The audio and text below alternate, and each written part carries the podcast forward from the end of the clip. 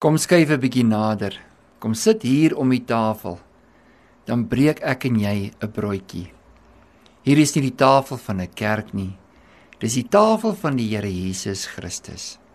Vir daardie rede as jy seer gekry het in 'n kerk, teleurgesteld is in 'n leier, dan wil ek jou tog nooi na hierdie tafel toe. 'n Tafel waar hy vir jou sê ek het jou lief. 'n tafel waar jy alles bietjie eenkant kan skuif wat tussen jou en hom gekom het. Die Christus van jou lewe. Waar jy alles bietjie kan eenkant skuif en kan sê Here, ek kom kyk U in die oë.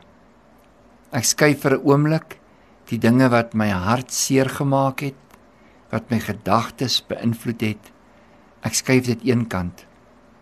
Ek wil weer hoor hoe U my naam roep.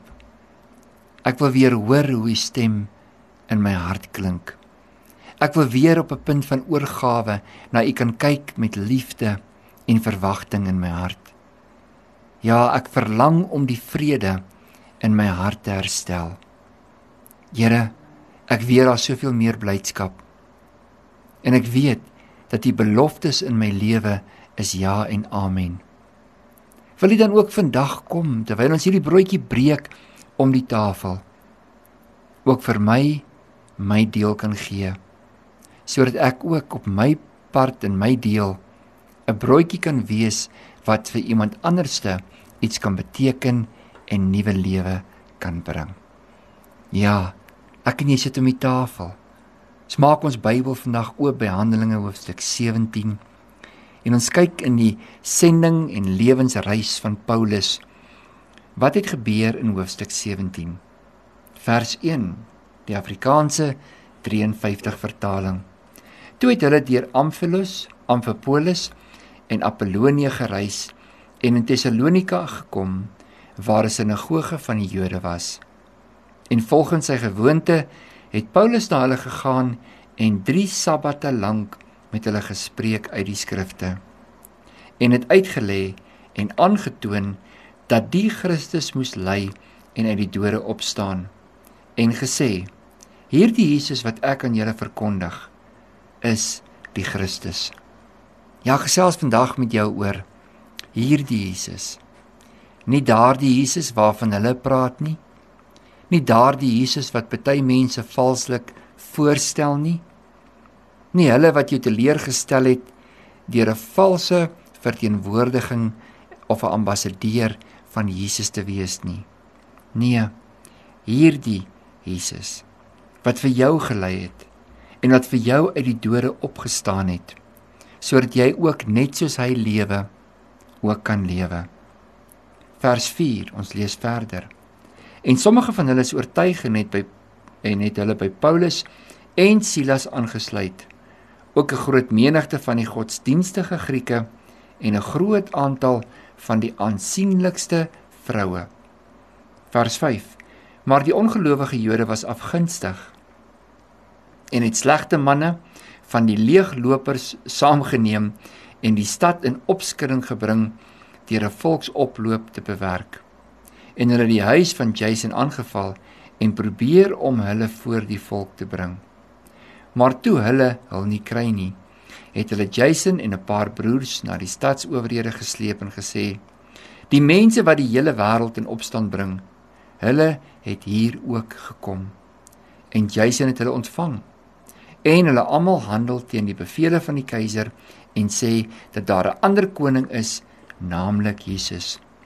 En hulle die skare in opskudding gebring en ook die stadsowerhede wat dit gehoor het. Maar toe hulle van Jason en die ander genoegsame waarborg ontvang het, het hulle hulle losgelaat. Daarop het die broeders dadelik in die nag Paulus en Silas na Berea weggestuur.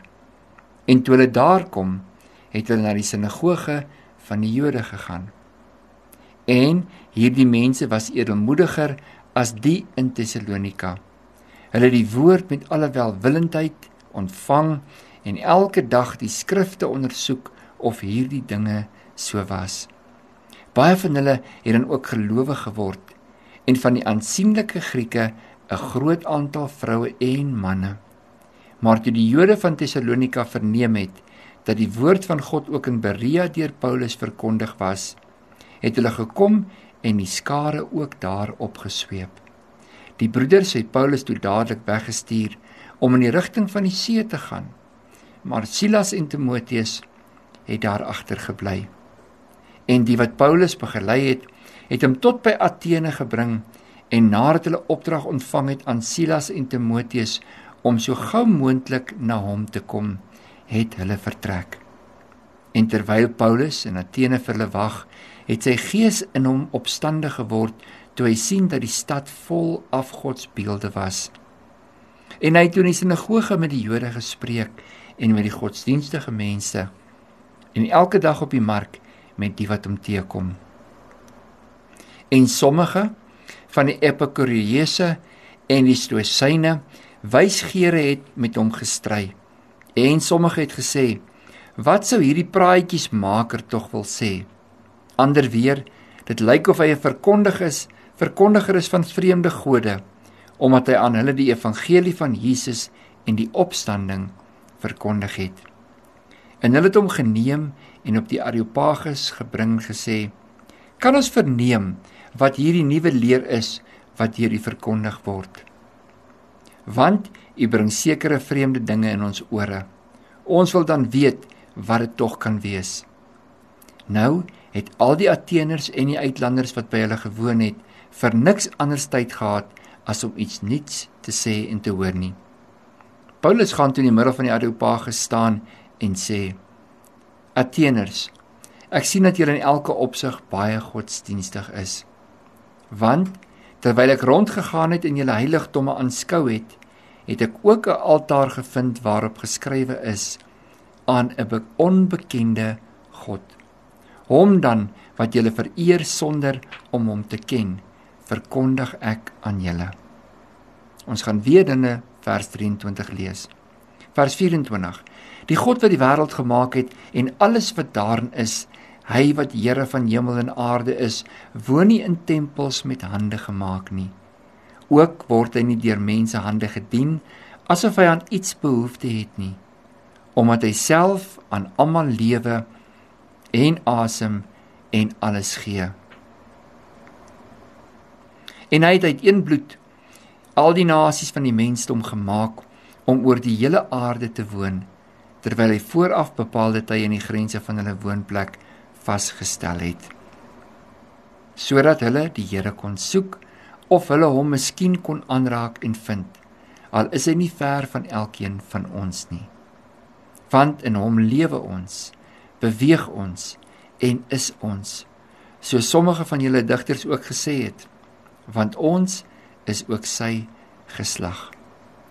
Ek lees weer vir jou vers 24 23 en dan 24 want terwyl ek rondgegaan het al julle heiligdomme aanskou het het ek ook 'n altaar gevind waarop geskrywe is aan 'n onbekende God. Hom dan wat julle vereer sonder om hom te ken, verkondig ek aan julle. Dit is nie genoeg dat ek en jy van hoor sê van Jesus hoor nie. Jesus is 'n persoon.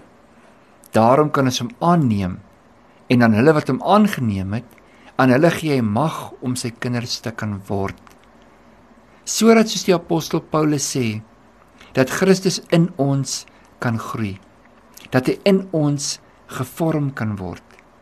Wanneer hy in ons gevorm word dan word ek en jy ook die vorm van Christus wat ons vir die wêreld het om te gee. As ek nie hom het nie kan ek nie hom gee nie as ek jou vra wat het jy in jou sak dan kan jy maar net vir my dit gee wat in jou sak is en dit wat in jou hart is.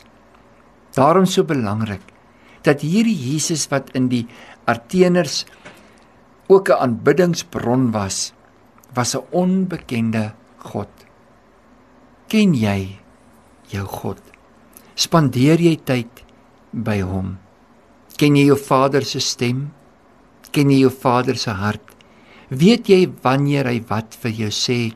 en wat sy intensie aangaande jou lewe is. Is jy gehoorsaam wanneer hy met jou praat om te gee en te doen wat hy van jou vra? Wat hy van jou verlang Ja, is daardie stap van gehoorsaamheid wat lof en eer aan hom bring. Hierdie Jesus, hierdie onbekende God wat julle aanbid. Dis hom wat ek na julle toe bring. Dit is saam met hom wat ek die hele wêreld omkeer. En ek bring hom na julle toe om vir jou te kom sê dat hy vir jou gelei het, dat hy vir jou opgestaan het uit die dood uit. Dat hy jou op bekleë het met 'n kleed wat lofwaardig is, 'n waardige kleed. Dat hy ook sê dat jy burgerskap in die hemele het. Ja, dis hy wat sê dat jy 'n priester is, 'n koninklike volk. Dis hy wat sê dat ek dink nie meer aan jou gisters nie, maar ek gee jou 'n nuwe dag en 'n nuwe môre. Dis hierdie Jesus wat vir jou sê, ek sal jou nooit begeef en ek sal jou nooit verlaat nie. Dis hierdie Jesus wat vir jou wil sê dat wanneer jy hom aanroep in die dag van jou benoudheid, dan sal hy jou beantwoord. Dis hy wat sê ek is die Here jou God. Ek is jou geneesheer. Ja, ek is die krag waarop jy kan staatmaak. Ek is die lig van die dag van môre. Ja, ek is die wind wat elke onsuiverheid van jou kom wegwaai. Die waters wat jou kom skoon was en nuwe vars lewe kan gee. Ja, ek is die een wat jou liefhet. Ek is die een wat vir jou omgee. Ek is die een wat opgewonde is oor jou. Wat swyg in my liefde oor jou. Ek is die een wat vir jou kom bid wanneer Satan vurig begeer om jou soos 'n koring te kan sif. Ek is die een wat jou nuwe hoop gee. Wanneer jy die gruwel deur jou eie oë aanskou het en die gruwel met jou eie gehoor moes aanhoor, dan is ek die een wat saam met jou kom stap in jou tyd van rou, in jou tyd van verwardheid, in jou tyd van alleen wees sodat jy ook kan weet dat ek is die een wat die brood gaan breek nadat ek gedank het. En wanneer ek die brood gee dan kan jy sien wat die werk is wat ek in jou lewe gedoen het. Ek is die een wat by die put staan en die waters van lewe vir jou wil gee dat jy nooit weer dors sal word nie ek is die lewe wat in jou gevorm word sodat jy ook geboorte en gestalte kan gee aan wie ek in jou is, wie ek in jou geword het. Ek is die een wat jou krag gee in 'n oomblik van swakheid. Ek is die een wat jou hoop gee in 'n oomblik van hopeloosheid. Wanneer alles en almal van jou vergeet het en dit vir jou voel of jou lewe geen waarde dra nie, dan kom ek na jou en ek sê ek was die bloed van jou af en ek sit 'n nuwe kleed om jou en ek plaas die juwele op jou en ja jy het weer myne geword sodat jy ook 'n verklaring kan maak om te sê ek is ook 'n seun of 'n dogter van God. Ja ek behoort aan die koning van alle konings.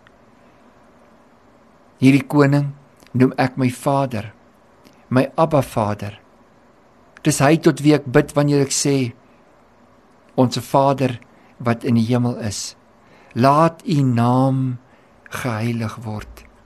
Dis hy wat vir my intree daar in Getsemane om te sê ek bid nie vir die wêreld nie, maar ek bid vir hulle wat U vir my gegee het.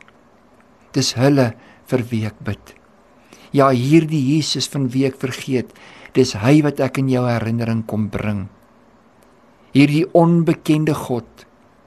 Dis hy wat ek in jou bekentenis vandag kom bring sodat jy kan weet dat hy is wat sy lewe deur sy seun afgelê het sodat jy kan lewe en lewe in oorvloed kan hê.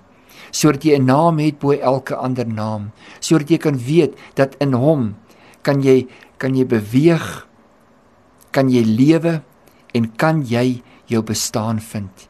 Ja, die Here jou God is by jou.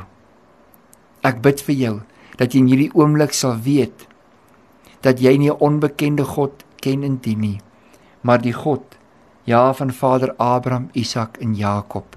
Hy is in jou midde in Jesus naam. Amen.